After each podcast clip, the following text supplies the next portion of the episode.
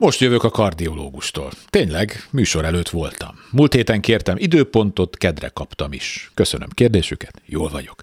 Ja, nem állami ellátást vettem igénybe, akkor ezt ősszel írhattam volna meg, ha szerencsém van, akkor nyár elején.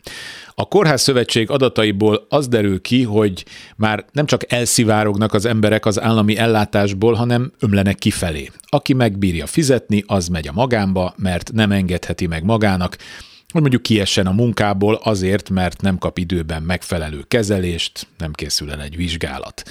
Ez ma nem a gazdagok luxusa, hanem az átlagember kényszere.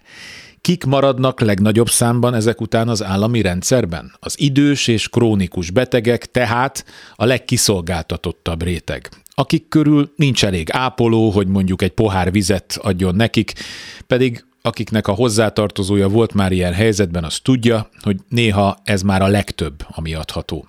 Ilyen körülmények között az emberi méltóság az, ami elsőként eltűnik, és már soha nem szerezhető vissza. Tehát a rendszer lassú és hiányos, de az állam más helyzetben express munkát végez.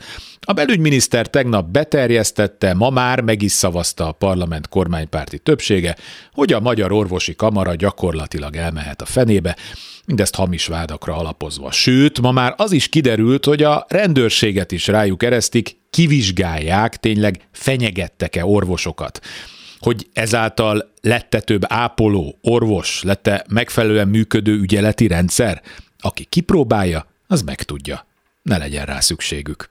Kárpát Iván vagyok, ez az Esti Gyors, a hírek után kezdünk.